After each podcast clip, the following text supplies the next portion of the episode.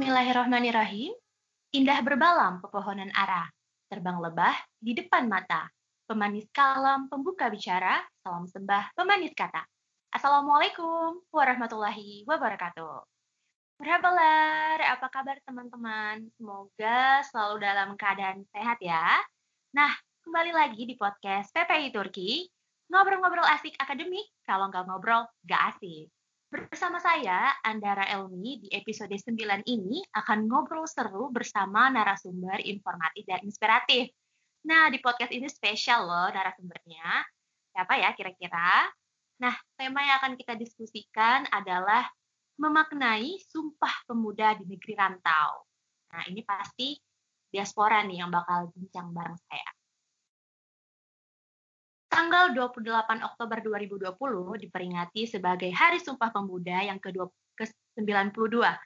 Ada makna yang mendalam bagi sejarah bangsa ini dalam isi Sumpah Pemuda yang dicetuskan pada 28 Oktober 1928, yakni ikrar bertanah air satu, berbangsa satu, berbahasa satu, Indonesia.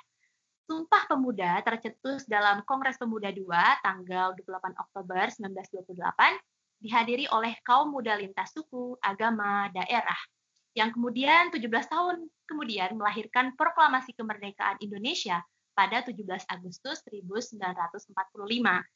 Adapun makna yang terkandung bahwa peristiwa bersejarah ini mengajarkan nilai-nilai persatuan bangsa.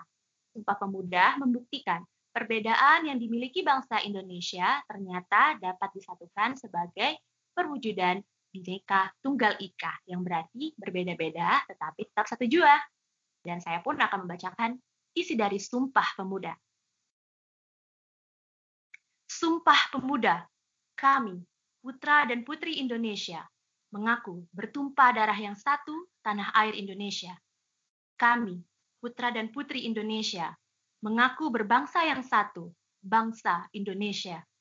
Kami, putra dan putri Indonesia, menjunjung bahasa persatuan bahasa Indonesia. Nah, Arkadashlar, dan di episode kali ini kita akan ditemani oleh, nah siapa ya kira-kira? Langsung saja nih biar teman-teman nggak penasaran. Kita ditemani oleh Ketua PPI Turki 2020-2021, yaitu Bang Usama. Nah, sebelumnya saya akan memperkenalkan dulu profil dari Bang Usama. Bang Usama Abdurrahman menyelesaikan strata satunya di Universitas Darussalam Gontor, jurusan Ekonomi dan Hukum Islam, dan saat ini tengah melanjutkan magister uh, eh, S2 di Universitas Najmuddin Erbakan Konya untuk ilmu filsafat. Uh, Bang Usama award di YTB tahun 2009, mohon maaf, award di YTB tahun 2000 19 uh, yang sebelumnya adalah menjadi sekretaris umum MPA PPI Turki 2019-2020 dan saat ini tengah mengemban amanah menjadi ketua PPI Turki 2020-2021. Langsung saja kita apa nih Bang Usamahnya? Assalamualaikum Bang Usama, merhabalar. Waalaikumsalam, merhaba Andra. Apa kabar nih Bang Usama? Baik, alhamdulillah di Indonesia nih baik jadinya. Andra gimana? Wah, baik juga ya? Alhamdulillah baik. Saya juga kebetulan di Indonesia nih Bang. Oke. Okay. Terima kasih untuk kesempatannya Bang Usama sudah uh, bersedia untuk menemani kita di podcast PPI Turki tentunya untuk tema memaknai Sumpah Pemuda di Negeri Rantau. Banget Bang. Ini kita tunggu-tunggu sekali nih Bang Usama di podcast kita. Ya, akhirnya di episode 9 ini Bang Usama akan menjadi berbincang bareng kita. Iya, kayaknya di podcastnya Pepe Turki malah belum pernah. Pernahnya di iya, kan? radio ya? Iya, di radio. Oke deh. Nah, sebelumnya tanggal 28 Oktober lalu kita sudah memperingati Hari Sumpah Pemuda ya, Bang Usama? Iya, benar-benar. Nah, Anda ingin tahu nih, makna Sumpah Pemuda bagi Bang Usama itu seperti apa? Eh, uh, makna Sumpah Pemuda ya, agak berat sih. Eh, mohon maaf, uh, ada latar belakang suara hewan yang barangkali karena tempatku berada sekarang di dekat kandang hewan nih. Aku rasa nggak apa ya, insya Allah nggak terlalu mengganggu. Uh, terlalu ini bisa dikat kok kalau ada yang kalau ada yang terganggu. Nanti minta cut aja bagian ini. Berarti tiga empat tiga empat lima. Langsung aja bang Usama sekarang tiga empat tiga empat lima. Jadi kalau kita bicara tentang Sumpah Pemuda itu banyak banget sih sebenarnya kata-kata yang terbetik di kepala kita itu. Di antaranya kalau sumpahnya sendiri apa sih? Komitmen ya ke dalam diri. Komit. Kalau pemuda energi independensi ya kan uh, apa namanya tidak terpengaruh oleh terlalu banyak intervensi ya macam-macam lah. Tapi kalau Sumpah Pemuda kita rangkai menjadi satu kata, sebuah peristiwa yang bersejarah bagi negara dan bangsa kita, maka jauh lebih dalam lagi nanti maknanya. Karena negara kita termasuk negara yang unik ya. Kalau Pak Dubes itu dalam beberapa kali kesempatan menyampaikan kalau eh, Indonesia itu satu dari sedikit sekali negara dunia yang merupakan imagination ya sebuah negara imajinasi sebuah negara yang dasarnya itu belum ada dia dimimpikan sama para founding fathernya melalui sebuah kesepakatan dan ketika dia jadi negara baru mimpi itu sedikit demi sedikit coba direalisasikan menariknya lagi mm -hmm. Indonesia itu sebelum jadi sebuah negara dia menjadi bangsa dulu jadi yeah. kalau kita lihat Indonesia kan sebenarnya terisi dari sekian banyak suku bangsa, ya kan? Mm-hmm. Ada Sunda, ada Jawa, ada Batak, ada Aceh, ada Melayu, ada apa pun banyak banget tuh. Tiba-tiba sekian banyak suku bangsa ini menyepakati identitas baru di tahun 28 itu. Jadilah sebuah bangsa baru Indonesia yang itu menjadi embrio berdirinya negara baru juga tahun 45. Jadi memang dalam sekali kalau kita bisa nangkep maknanya, nangkep pesannya, saya rasa mengisi kemerdekaan itu lebih apa ya, lebih tepat. Kemudian tadi yang diimajinasikan oleh founding father itu bisa kita menjadi bagian untuk merealisasikannya gitu sih. Iya. Oke deh. Nah, berkaitan dengan tema Sumpah Pemuda yang ke-92 ini nih Bang Usama. Bangkit dan bersatu. Nah, menurut Bang Usama sendiri nih bagaimana upaya pemuda di era sekarang untuk mencapai tujuan tersebut? Kita bangkit dan bersatu. Iya. Uh, saya kurang tahu ya sebenarnya karena bangkit dan bersatu ini kan dari pemerintah ya uh, terminologi dipilih. Mungkin kenapa harus bangkit karena kita secara umum pemuda dianggap masih terlelap atau masih terduduk atau masih berada dalam posisi yang tidak siap untuk melakukan sesuatu gitu. Kalau kita apa namanya uh, lihat beberapa berita di media terakhir, saya agak terketuk dengan pernyataan salah seorang uh, apa ya ibu bangsa barangkali ya Bu Megawati. Beberapa waktu yang lalu kan sempat uh, yeah. dalam tanda kutip menyentil milenial ya. Apa yang milenial lakukan buat Indonesia? Itu banyak sekali sebenarnya elemen pemuda yang mengkritisi itu, mengatakan bahwasanya uh, banyak kok yang sudah pemuda atau milenial lakukan. Tapi aku rasa sih secara pribadi memakna apa ya, mendengarkan apa yang disampaikan oleh ibu bangsa Bu Megawati itu ya tepat juga sih barangkali. Mm -hmm. uh, kalau kita coba pukul rata banyak sekali teman-teman pelajar seusia kita pemuda ada 100% kira-kira yang sudah punya kontribusi buat bangsa berapa persen sih gitu kemudian iya, juga yang menjadi bagian dari yang sahkan bangsa gitu itu juga banyak makanya memang apa namanya muasabah evaluasi kolektif para pemuda tepat sih. Kemudian bersatu mungkin barangkali kesannya sebagai pemuda atau sebagai bangsa kita terpolarisasi ke dalam berbagai macam uh, kubu karena berbagai macam permasalahan. Ya harapannya bisa bersatu. Momentumnya sumpah muda sih karena memang di saat itulah kan sekian banyak perwakilan dari uh, Jongjong itu, Jong Islam Bong, Jong Java, Jong Celebes dan sebagainya kan meninggalkan sekat-sekat uh, kesukuan mereka, primordial mereka untuk menerima sebuah ide besar itu menjadi bangsa baru. Karena tantangan penjajahan waktu itu meniscayakan kita harus bersatu. Kalau enggak melawannya sendiri-sendiri. Nah, akhirnya bisa. Sekarang saya rasa aku rasa kita juga berada dalam posisi yang uh, tidak terjajah sih, tapi uh, kita belum sejahtera, belum makmur, belum adil gitu. Mari kita anggap itu sebagai sesuatu yang menjajah kita, sebagai musuh kita, sehingga kita punya apa common enemy, lawan bersama, bersatu, fokus untuk me, apa namanya uh, menyelesaikan satu persatu permasalahan itu. Momentumnya sumpah muda tepat sih aku rasa dengan bangkit dan bersatu tadi. Itu Andra. sama. Kemudian uh, sebagaimana dari uh, salah satu pahlawan kita pada saat Sumpah Pemuda itu yaitu Sugondo Jojo Puspito, Persatuan Indonesia itu dijelaskan dapat ditingkatkan melalui lima hal ya Bang. Yaitu salah satunya adalah hmm. sejarah, bahasa hukum, budaya, pendidikan, dan juga tekad.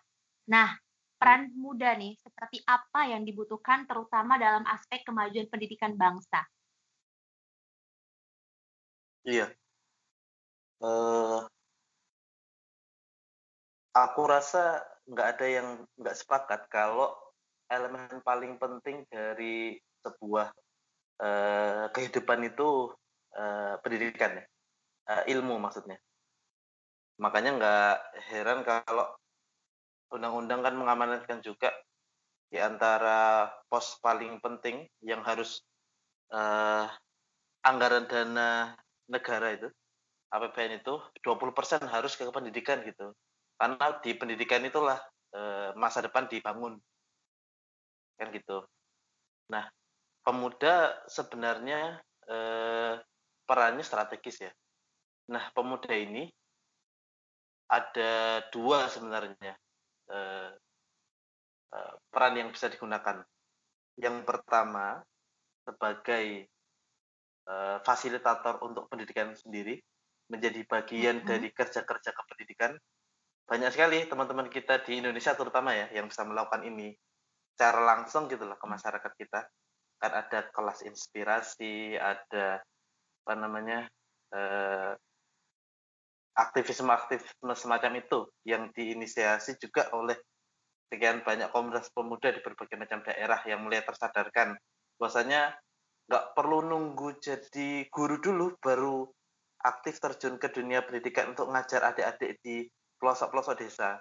Tapi bahkan ketika mereka masih jadi mahasiswa, masih jadi pelajar, bahkan tuh mereka bisa melakukan itu. Karena toh masih banyak banget juga uh, warga negara kita, masyarakat-masyarakat kita yang masih berada di daerah terpelosok, daerah terpencil, yang keakses pendidikan yang paling dasar aja, tulis hitung, baca tulis hitung, itu masih belum gitu. Dan itu kan nggak hmm. sedikit yang uh, maksa ke sana. Ya kita sedikit banyak ada juga lah ya kontribusi untuk itu. Beberapa tahun terakhir PPI Turki rutin punya menteri daya Turki kan bukan kontribusi yang sepele ya untuk uh, apa namanya agenda hmm. tersebut. Akhir-akhir ini beberapa wilayah bahkan sudah mulai melakukan agenda yang bahkan lebih besar dari itu. Misalkan PP Bursa punya pulsa itu kan juga besar ya dan itu bisa kita banggakan sama-sama sebagai bagian dari diaspora belajar Indonesia di Turki. Lebih dari itu, sebenarnya yang tidak kalah pentingnya juga kita memaknai satu ya dari sekian banyak peran mahasiswa itu.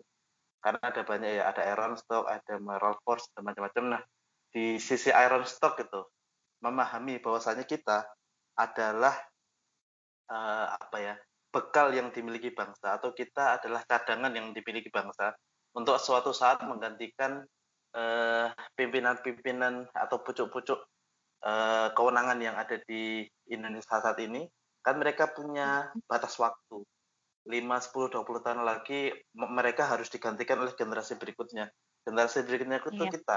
Kalau kita punya yeah. penilaian yang uh, mere, apa para pejabat kita, politis kita, pemerintah kita belum terlalu maksimal nih kerjanya, maka kita harus pastikan kita tahu tidak maksimalnya di mana.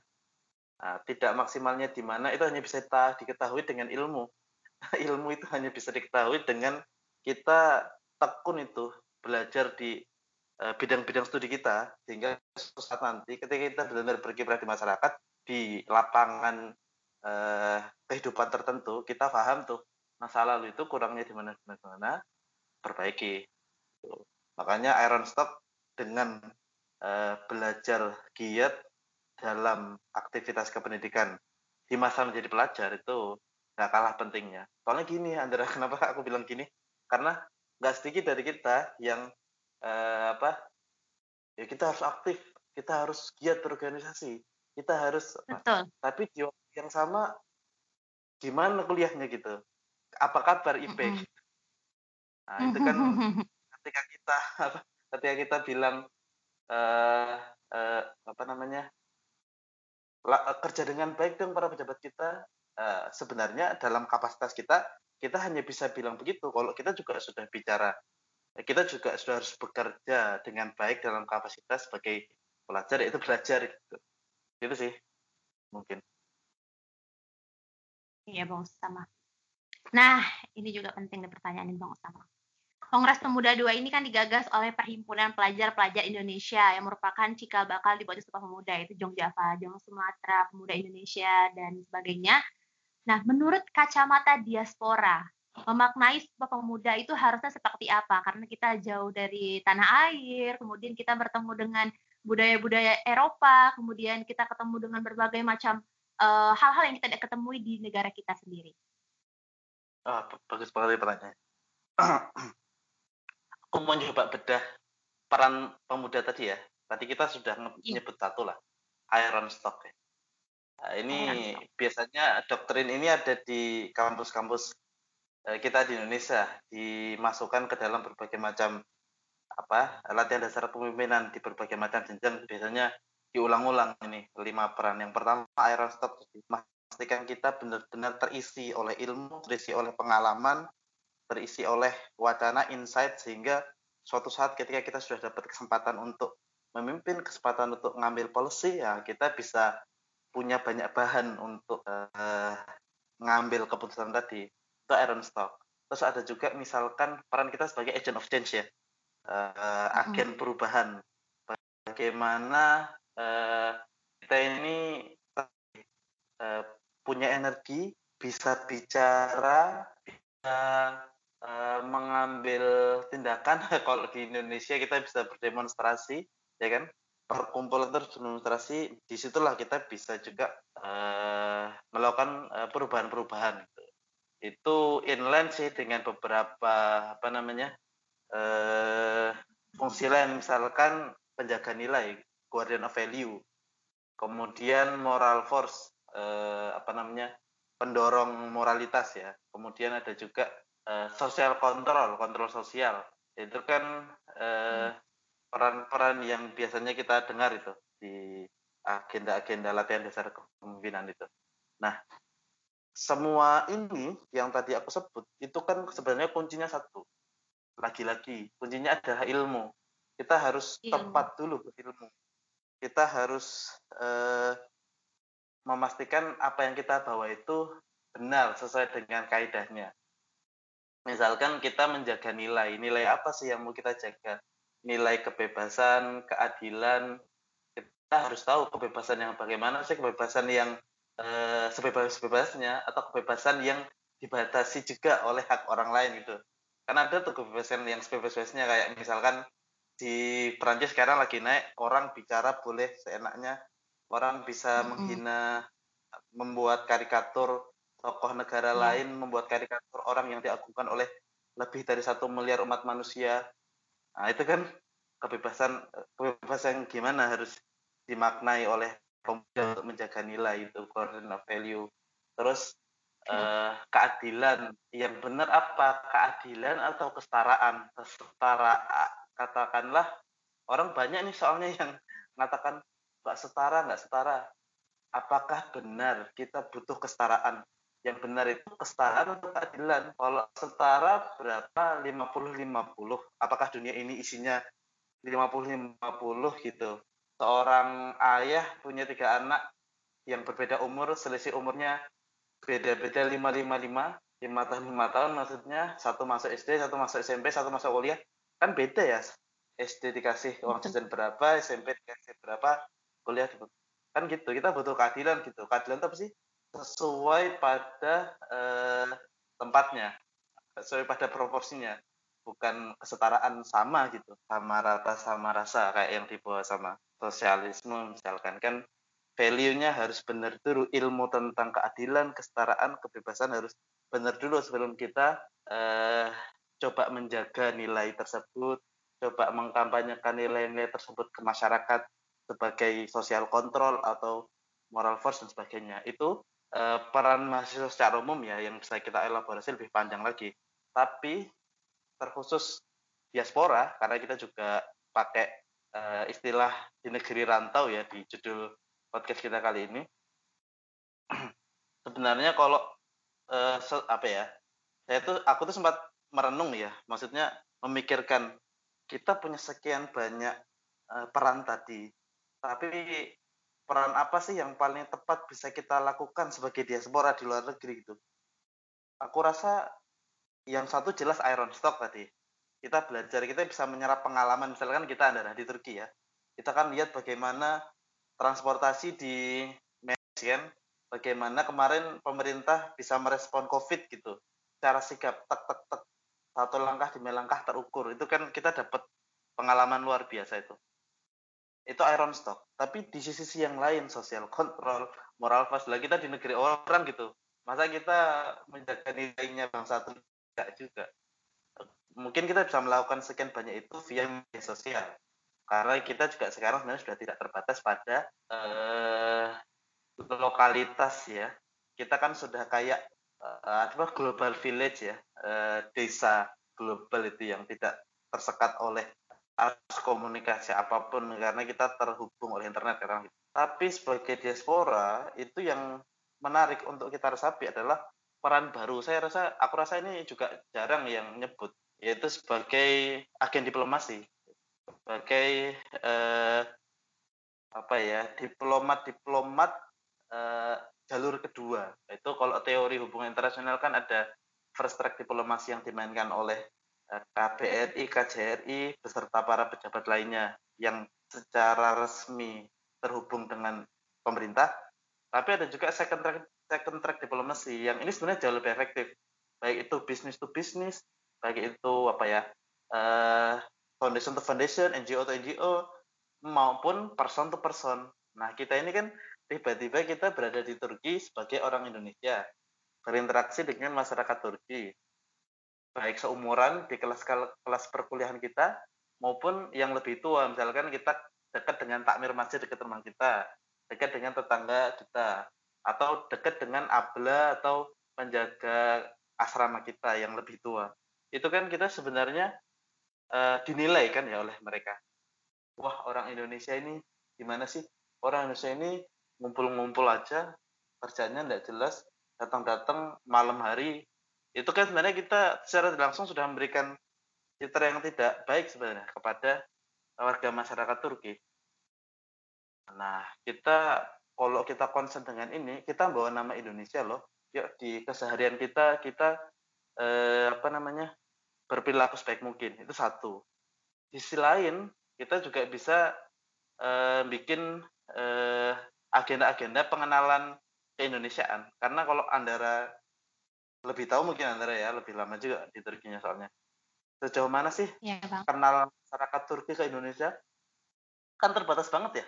Maksudnya mereka tahu iya. Indonesia dari apa sih? Mungkin kalau orang tua taunya karena ketemu haji, uh, orangnya Betul. baik, muslimnya, tapi gitu aja. Kalau pemudanya, ya. uh, kalau tahu mungkin musliman aja, musliman bid'ulke, gitu aja. Tapi ya, sejauh betul. apa peran Indonesia di dunia Islam itu juga tidak tidak nggak tahu. Aku pernah punya kesempatan anu ya eh, di kafe gitu di salah satu kafe di Konya kemudian kita lagi taking video untuk platform PP Turki di Indonesia FV mungkin Andra juga udah dengar. Eh, ya.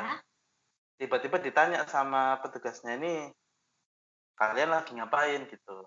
Oh kami lagi bikin video untuk pengenalan Indonesia. Loh Indonesia terus dia tanya Indonesia negara muslim ini muslimat berul ya dunianen en buyuk uh, musliman uh, nufusu gitu kan ya. Terus yeah. nanya lagi dia kalian pak muslim paling besar kenapa nggak bantu Palestina? gitu. Saya ditanya itu kita itu lah kan tersentak ya kita. Habis itu Betul. kita jawab ya, kita kita bantu Palestina loh. Tiap tahun kita ngasih bantuan ke Palestina padahal kita dari jauh gitu dari bantuan kita bikin rumah sakit di Palestina. Kita bilang gitu kita kasih fotonya. Baru dia oh bener ya maksudnya uh, terlalu banyak warga negara dunia nggak ya? Nggak kenal Indonesia. Walaupun kenal di permukaan sekali dan barangkali di banyak hal salah uh, apa salah persepsi gitu. Makanya iya. uh, di antara uh, fokusnya PP Turki sekarang gitu juga ya. Makanya kita kemarin memanfaatkan momentum Sumpah Pemuda juga dihadiri sama Pak Dubes juga sama Konjen juga uh, meresmikan platform Indonesia itu untuk memastikan terdorongnya uh, pelajar-pelajar kita di Turki untuk mengenalin Indonesia. Karena sekarang COVID kita barunya bisa lewat media. Kita pengennya kalau nanti situasi kondusif kita bisa bikin titik-titik ya Indonesia Corner gitu berbagai macam kota di Turki di Sakarya di Kayseri di mana pun tidak sekedar terbatas di Ankara dan di Istanbul. Karena kita tuh punya keyakinan ya, nggak tahu 5-10 tahun lagi kalau Indonesia bisa memerankan uh, fungsinya dengan baik sebagai uh, negara Muslim terbesar gitu, itu nanti Turki itu mitra strategis dan harusnya antara kedua negara saling kenal gitu. Nggak cuma Indonesia yang kenal Turki dengan nonton film-filmnya, tapi barangkali Turki kenal Indonesia dengan sekian banyak hal. Itu ya. uh, apa namanya? dari segi yang ya pengenalan kecil-kecilan tapi satu lagi Andra yang bisa kita lakukan sebenarnya di Turki hmm. ini ada banyak sekali forum mungkin ada Damla dan sebagainya Anda ikutan hmm. juga tapi ada berbagai yeah. macam conference conference banyak yang banget. kita masuk ke dalamnya kita bikin paper berbahasa Turki atau berbahasa Inggris membahas Indonesia itu Betul. strategi sekali aku juga yeah. ini insya Allah uh, barusan keterima nih Andra papernya ah. di uh, conference UDEF itu loh. Di Sakarya kan betul salah ya? Sakarya. Di nah, iya betul. Nanti. Saya ngangkat, aku ngangkat Sumpah Muda di situ. Eh, hmm, judulnya wow. Sumpah Pemuda and the Forming of New uh, Nation of Indonesia. Hmm. Gak tahu ya nanti apa akan jadi di selenggarakan offline atau online. Semoga offline lah biar bisa ke Sakarya. Itu sih Andra. Iya benar.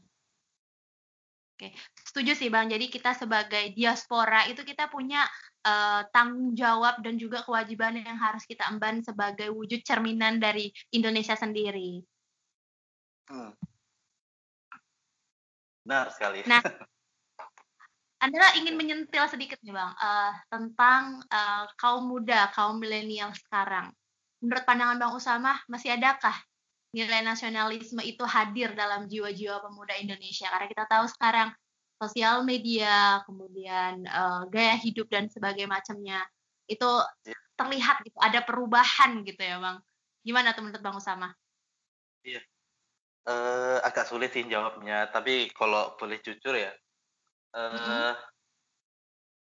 kita barangkali perlu benar-benar memaknai nasionalisme itu apa Mm-mm. Jadi kalau kita punya loyalitas ke negara kita Indonesia, uh, kita punya nasionalisme katakanlah kita makna itu, ya. itu apa? Itu harusnya kan bukan sekedar gimmick, bukan sekedar citra, bukan sekedar cuap-cuap di permukaan kan? Maksudnya tiba-tiba mm-hmm. kita bilang uh, apa ya? Kami Indonesia gitu. Kami bangga dengan Indonesia, merah putih menyanyikan lagu Sumpah Pemuda, eh menyanyikan lagu Indonesia Raya, membacakan Sumpah Pemuda, itu semuanya nggak nggak jelas itu bagus. Tapi concern kita harusnya bukan itu, bukan sekedar di situ gitu. Oh. Uh, ya biasanya kita di luar negeri tip uh, kita bikin video nyanyi tanah air gitu itu bagus juga secara uh, citra kan wah menyentuh Cuma sebenarnya harusnya kita lebih dalam dari sekedar hal-hal uh, yang artifisial itu ya, yang superficial di permukaan gitu. Kan kita tuh tidak hidup di uh, apa kita punya hidup eh, kehidupan kita ada ranah pencitraannya sih dan itu uh, tidak apa namanya tidak salah cuma kadang-kadang kita lupa sama substansi harusnya kalau kita loyal dengan Indonesia punya nasionalisme uh, cinta ya dengan tanah air cinta itu kan hmm. kata kerja ya maksudnya yeah. dia itu kan bukan ekspresi aku cinta kamu, aku sayang kamu, aku tidak bisa hidup tanpa bukan gitu kan? Itu kan omong iya. doang, gombal gitu loh. Mm-mm. Orang bisa ngomong gitu, tapi cinta itu kan termanifestasi dalam perilaku, ya kan? Mm-mm. Kalau yeah. orang cinta sama negaranya, ya nggak usah cinta sama negara. Eh, seorang laki-laki cinta sama perempuannya lah istrinya gitu, kan dia akan mengorbankan segala sesuatunya untuk istrinya. Iya. Dia loh susah-susah uh, bekerja banting tulang tiap hari selama sebulan, sehari bisa lebih dari 8 jam. Untuk apa? Untuk nyenengin istrinya, dikasih orangnya ke istrinya gitu loh. Ya kan? Kalau iya. cinta itu. Jadi di, di, kalau kita cinta loyal, uh, nasionalis, kita nggak hitung-hitungan itu. Kalau kita mau membantu Indonesia, kan nggak usah tanya.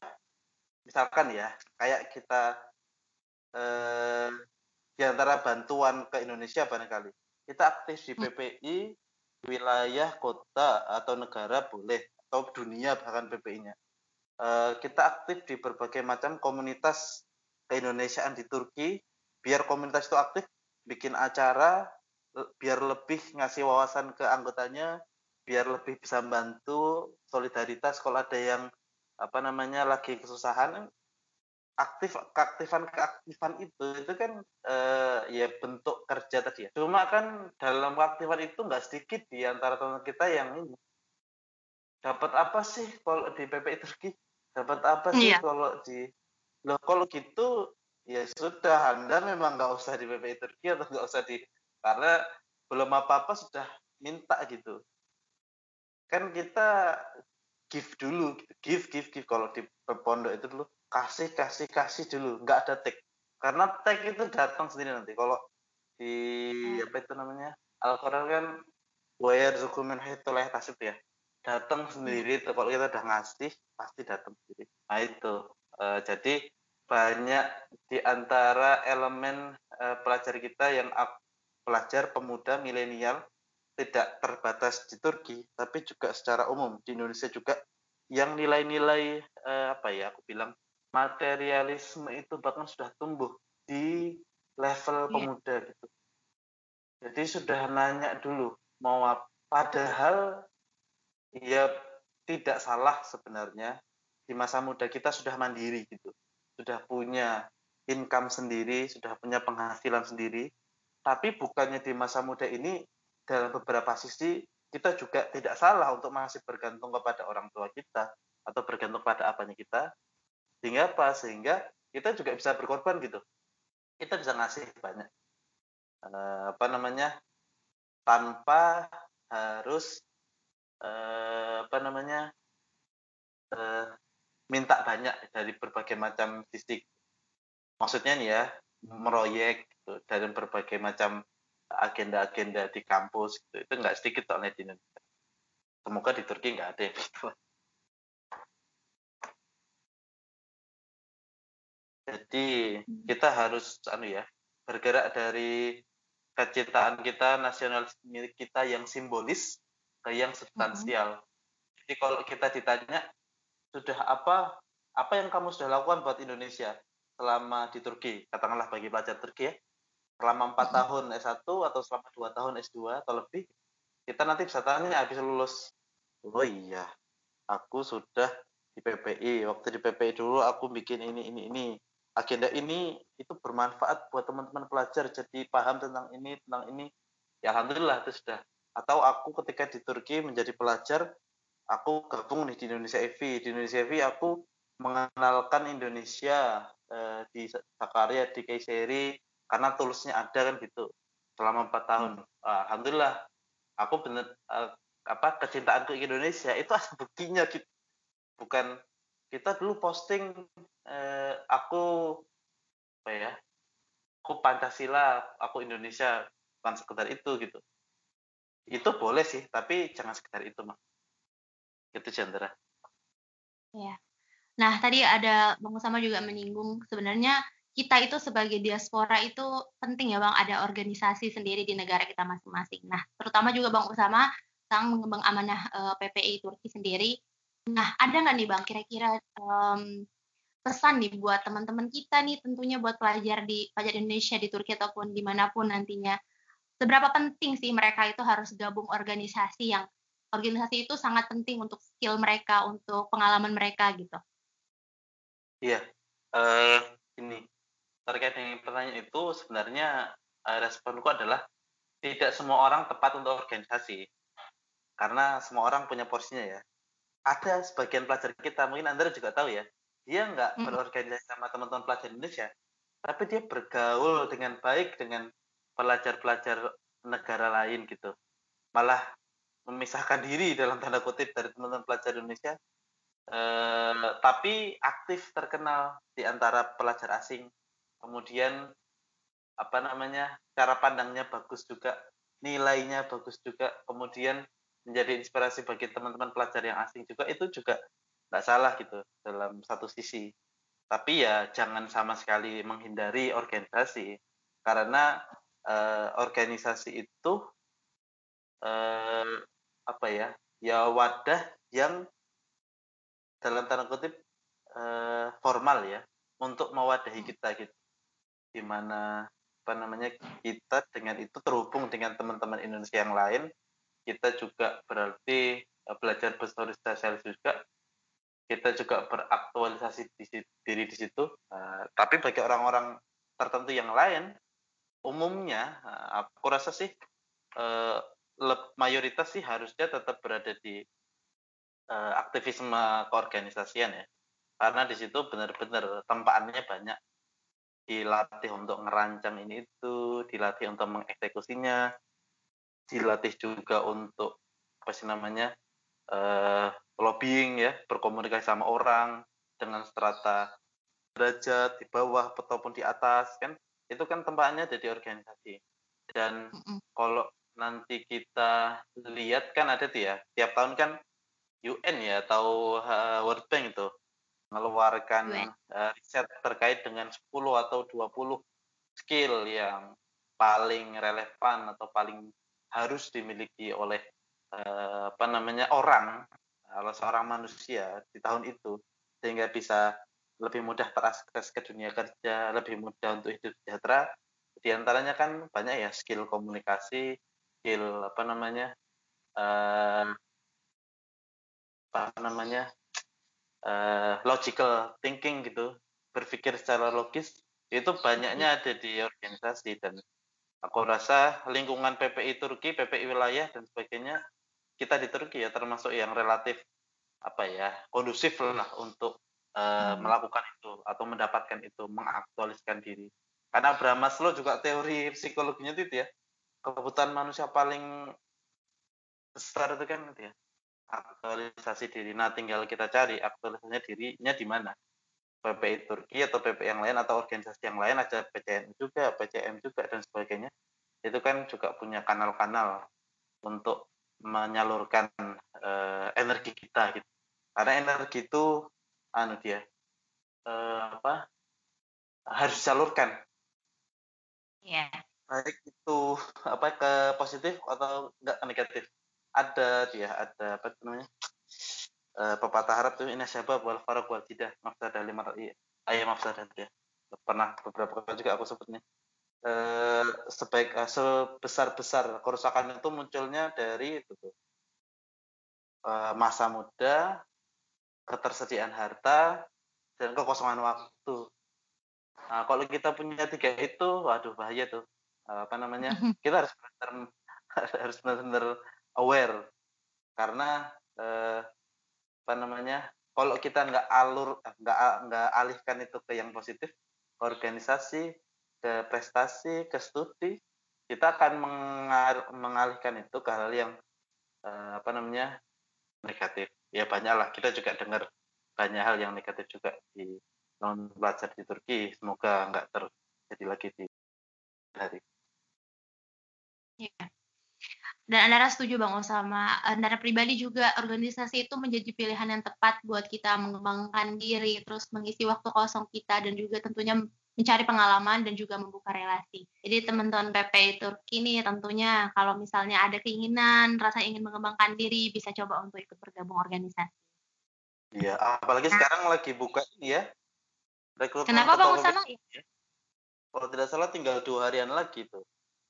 Kurang tahu apakah daftar atau belum terus semoga banyak juga lah kandidatnya sehingga kita juga bisa dengar uh, pendapat dari berbagai macam orang ya. Betul betul. Kita tunggu nih kira-kira siapa ya the next-nya. Oke Bang Usama. Nah ini sih pertanyaan terakhir dari Andaran untuk Bang Usama. Ketika pulang nanti ke Indonesia, Bang Usama kira-kira akan memberikan kontribusi apa untuk Indonesia? Oh. Hmm. Uh, apa ya? Gimana cara menjawabnya ya? Uh, biasanya kalau kita uh, mau memproyeksikan uh, proyek profesi katakanlah ya, atau bidang kontribusi itu nanti paling tidak terklasifikasikan jadi dua. Uh, buat Anda juga buat teman-teman semuanya mungkin penting untuk uh, sudah tahu ini sejak awal gitu. Kalau yeah. tidak jadi akademisi ya jadi praktisi. Oh, Kalau akademisi ya umumnya nanti uh, bekerja di dunia pendidikan ya di kampus atau di lembaga pendidikan tertentu. Kalau praktisi ya sesuai dengan jurusan misalkan kalau Andara jurnalistik ya bisa jadi wartawan, bisa jadi praktisi media apa pun gitu. Kalau orang hubungan internasional bisa jadi diplomat, bisa jadi aktivis NGO internasional. Nah, kalau hmm. aku kan karena sebenarnya syariah ya, dasarku itu hukum Islam, hukum ekonomi. Terus sekarang justru filsafat. Itu kan sebenarnya sebuah ranah yang relatif eh, apa ya? langit-langit lah, melangit di tataran teori umumnya. Meskipun aku dalam banyak eh, pembacaanku, studiku juga tidak terlalu suka kalau eh, hanya berputar-putar di teori, tapi harus ke praktek juga. Konkretnya gimana sih apa yang aku diskusikan itu eh, bisa berkontribusi untuk membantu orang gitu. Tapi kalau aku secara pribadi memang dari, dari asal tar, dari asal targetnya memang jadi pengajar, Andra, jadi dosen. Kalau di kantor sendiri kan memang eh, arahannya apa pun yang terjadi jangan tinggalkan profesi guru mengajar. Tapi barangkali sambil jadi guru ya bisa jadi peneliti, bisa jadi uh, aktivis sosial, itulah banyak. Pengennya sih uh, jadi apa ya ilmuwan yang punya banyak yang punya banyak tulisan, punya banyak ide yang bisa mencerahkan banyak orang gitulah. Semoga bisa terwujud lah ya.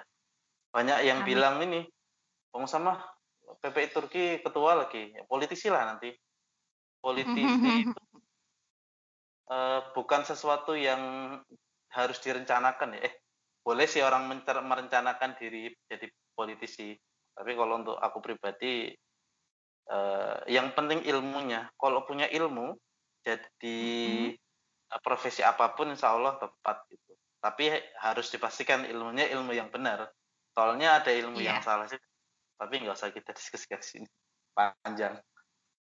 Yeah. Andara yakin dan percaya Bang Usama akan memberikan kontribusi terbaiknya untuk negeri kita nanti. Amin ya rabbal alamin. Andara juga. dan teman-teman harus semangat nih Bang kita kembali ke Indonesia membangun negara kita karena kita punya PR besar untuk membangun negara kita sendiri gitu. Benar.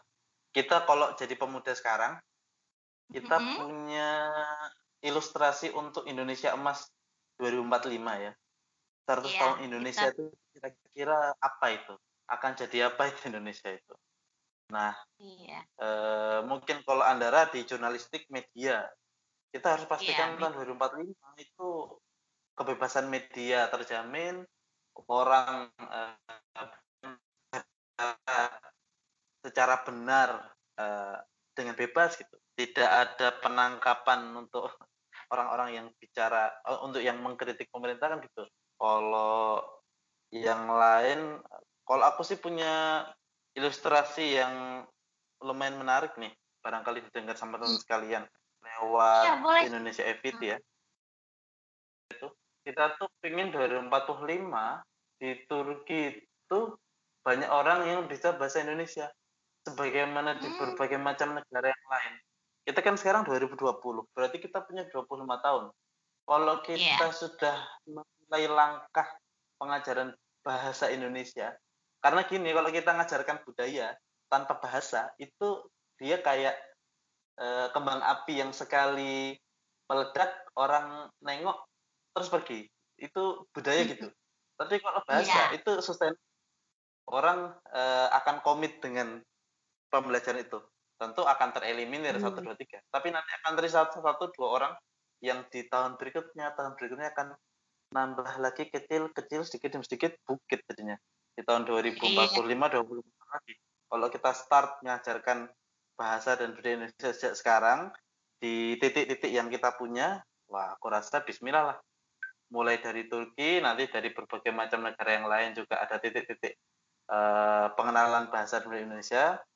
Indonesia emas di tahun 2045 itu bisa kita bayangkan ilustrasinya di dunia dihormati gitu. Karena kalau kita bicara uh, maju Indonesia itu nggak mungkin cuma faktor dalam negeri itu pasti di berhubungan iya. dengan uh, kerjasama antar negara kerjasama global itu aktornya tuh sadar atau tidak kita ini yang kecil-kecil masih iya. namanya belajar gini yang berinteraksi secara langsung dengan pemuda di negara-negara tertentu termasuk Turki itu sih Bismillah ya. Semoga kita benar-benar bisa uh, apa namanya uh, di masa tua kita nanti umur kita 40 umur kita 50 subhanallah yeah. kalau dari Indonesia itu kan betapa kita bisa cerita dengan indah itu 20 30 yeah. tahun lagi. Insya Allah Allah kita doakan semoga Indonesia Fit Indonesia Fit terus berkembang konten-kontennya juga semakin banyak diminati Nah juga tentunya nih teman-teman diaspora yang ada di Turki, ayo kita follow nih uh, akun-akun sosial media Indonesia FI dan juga kita share ke sosial media masing-masing teman-teman kita Turki teman khususnya kita, yang kita bisa tahu. Hmm. Ya. Ini ide yang bagus sih Bang Indonesia FI. Anda juga udah lihat keren keren. Kita doakan semoga teman-teman uh, bisa terus lanjut kontennya. Amin, ya amin. Semoga banyak juga yang makin uh, terlibat dan bantu baik di Turki yeah. maupun di Nah, Bang Usama, terakhir nih, ada nggak Bang Usama ingin memberikan pesan untuk teman-teman kita terkait Sumpah Pemuda dan juga teman-teman pesan semangat buat teman-teman diaspora? Ah, oke, okay. kalau kita bicara tentang sumpah, itu kita bicara tentang komitmen ya, yang itu baliknya ke dalam diri, tidak kelu keluar dirinya setelah ke dalam diri dulu. Dan itu eh, yang namanya sumpah persaksiannya langsung ke eh, pencipta kita ya Allah gitu makanya eh, ketika Sumpah Pemuda bisa dikerarkan sama founding father kita 92 tahun yang lalu yang itu tuh tidak mudah di tengah masa penjajahan dan sebagainya me, apa namanya berkomitmen untuk terintegrasi ke dalam satu bangsa satu tanah air dan satu bahasa yang baru kan berat ya. Aku rasa kita sebagai muda zaman sekarang barangkali kita bisa minimal sumpah dari ikrar berkomitmen ke diri kita masing-masing. Ya kita akan kontribusi apa sih buat Indonesia buat bangsa kita buat negara kita buat agama kita?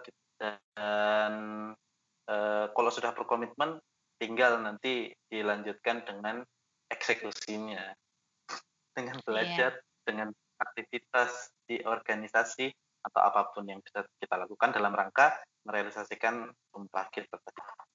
Gitu sih Andara mungkin terakhir.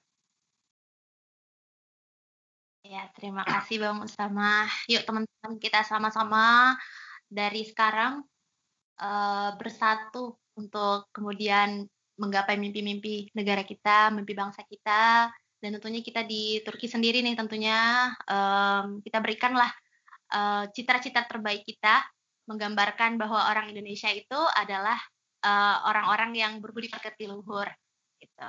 Nah, di Bang Usama kemarin kita tuh ada buka uh, question box di PPI Turki. Kita bacain yuk Sumpah Pemuda versi pemuda gitu. Boleh, yuk. Ini ganti-gantian bahasanya atau gimana, Andra? Eh, boleh, boleh. Tapi sebelum kita bacain dulu, Andra mau denger dulu nih versinya Bang Usama gimana? Oke, versi kecil-kecilan ya. Uh, ya. Kami, diaspora pemuda Indonesia, bersumpah menjadi wajah terbaik bagi bangsa di mata dunia. Izin pakai diaspora ya di depannya. Iya. Kemudian kami pemuda Indonesia bersumpah belajar tekun menjadi kebanggaan agama bangsa dan negara. Kami pemuda Indonesia bersumpah untuk membawa perubahan dengan aksi nyata, bukan hanya janji-janji belaka. Kami pemuda Indonesia bersumpah berani membenarkan yang benar dan menyalahkan yang salah. Kami putra-putri Indonesia berjanji untuk anti korupsi. Kami putra-putri Indonesia bersumpah akan terus mengembangkan inovasi.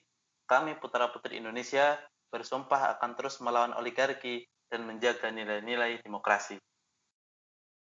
Dan terakhir, kami pemuda Indonesia bersumpah akan terus menjaga dan melestarikan budaya bangsa. Ya, teman-teman itu tadi uh, versi Sumpah Pemuda teman-teman kita. Nah, kita sudah sampai nih di penghujung podcast. Sebelumnya Anda mengucapkan terima kasih banyak buat Bang Usama atas kesempatan dan waktunya. Sudah bincang-bincang nih Bang kita di Turki. Ya, semoga bermanfaat khususnya buat kita nih para pelajar di Turki sebagai informasi penting yang tentunya harus kita tahu. Nilai patriotisme, gotong royong, musyawarah untuk manfaat, cinta tanah air, persatuan dan kesatuan, kerukunan, kerjasama, cinta damai, serta tanggung jawab. Maka Sumpah Pemuda hendaknya bisa dijadikan sebagai inspirasi bagi generasi muda Indonesia untuk membawa negara kita ke arah perubahan yang lebih baik, bukan memecah belah sebagai pusaran konflik antar sesama anak bangsa sendiri. Sekali lagi, selamat Hari Sumpah Pemuda. Terima kasih untuk teman-teman sudah mendengarkan. Jangan lupa follow akun sosial media PPI Turki di Instagram, Facebook, dan juga Twitter. Oh ya, jangan lupa follow Spotify untuk podcast PPI Turki. Podcast PPI Turki juga tersedia di Anchor dan iTunes PPI Turki. Stay tune terus podcast PPI Turki di selanjutnya. Jangan lupa untuk selalu melakukan aktivitas yang produktif dan menjaga kesehatan. Saya tutup dengan sebuah pantun. Bunga dedap di atas para, anak dusun pasang pelita. Anda tersilap tutur bicara, jadi disusun, maaf dipinta. Wassalamualaikum warahmatullahi wabarakatuh. Görüşmek üzere. Waalaikumsalam warahmatullahi wabarakatuh. Görüşmek üzere.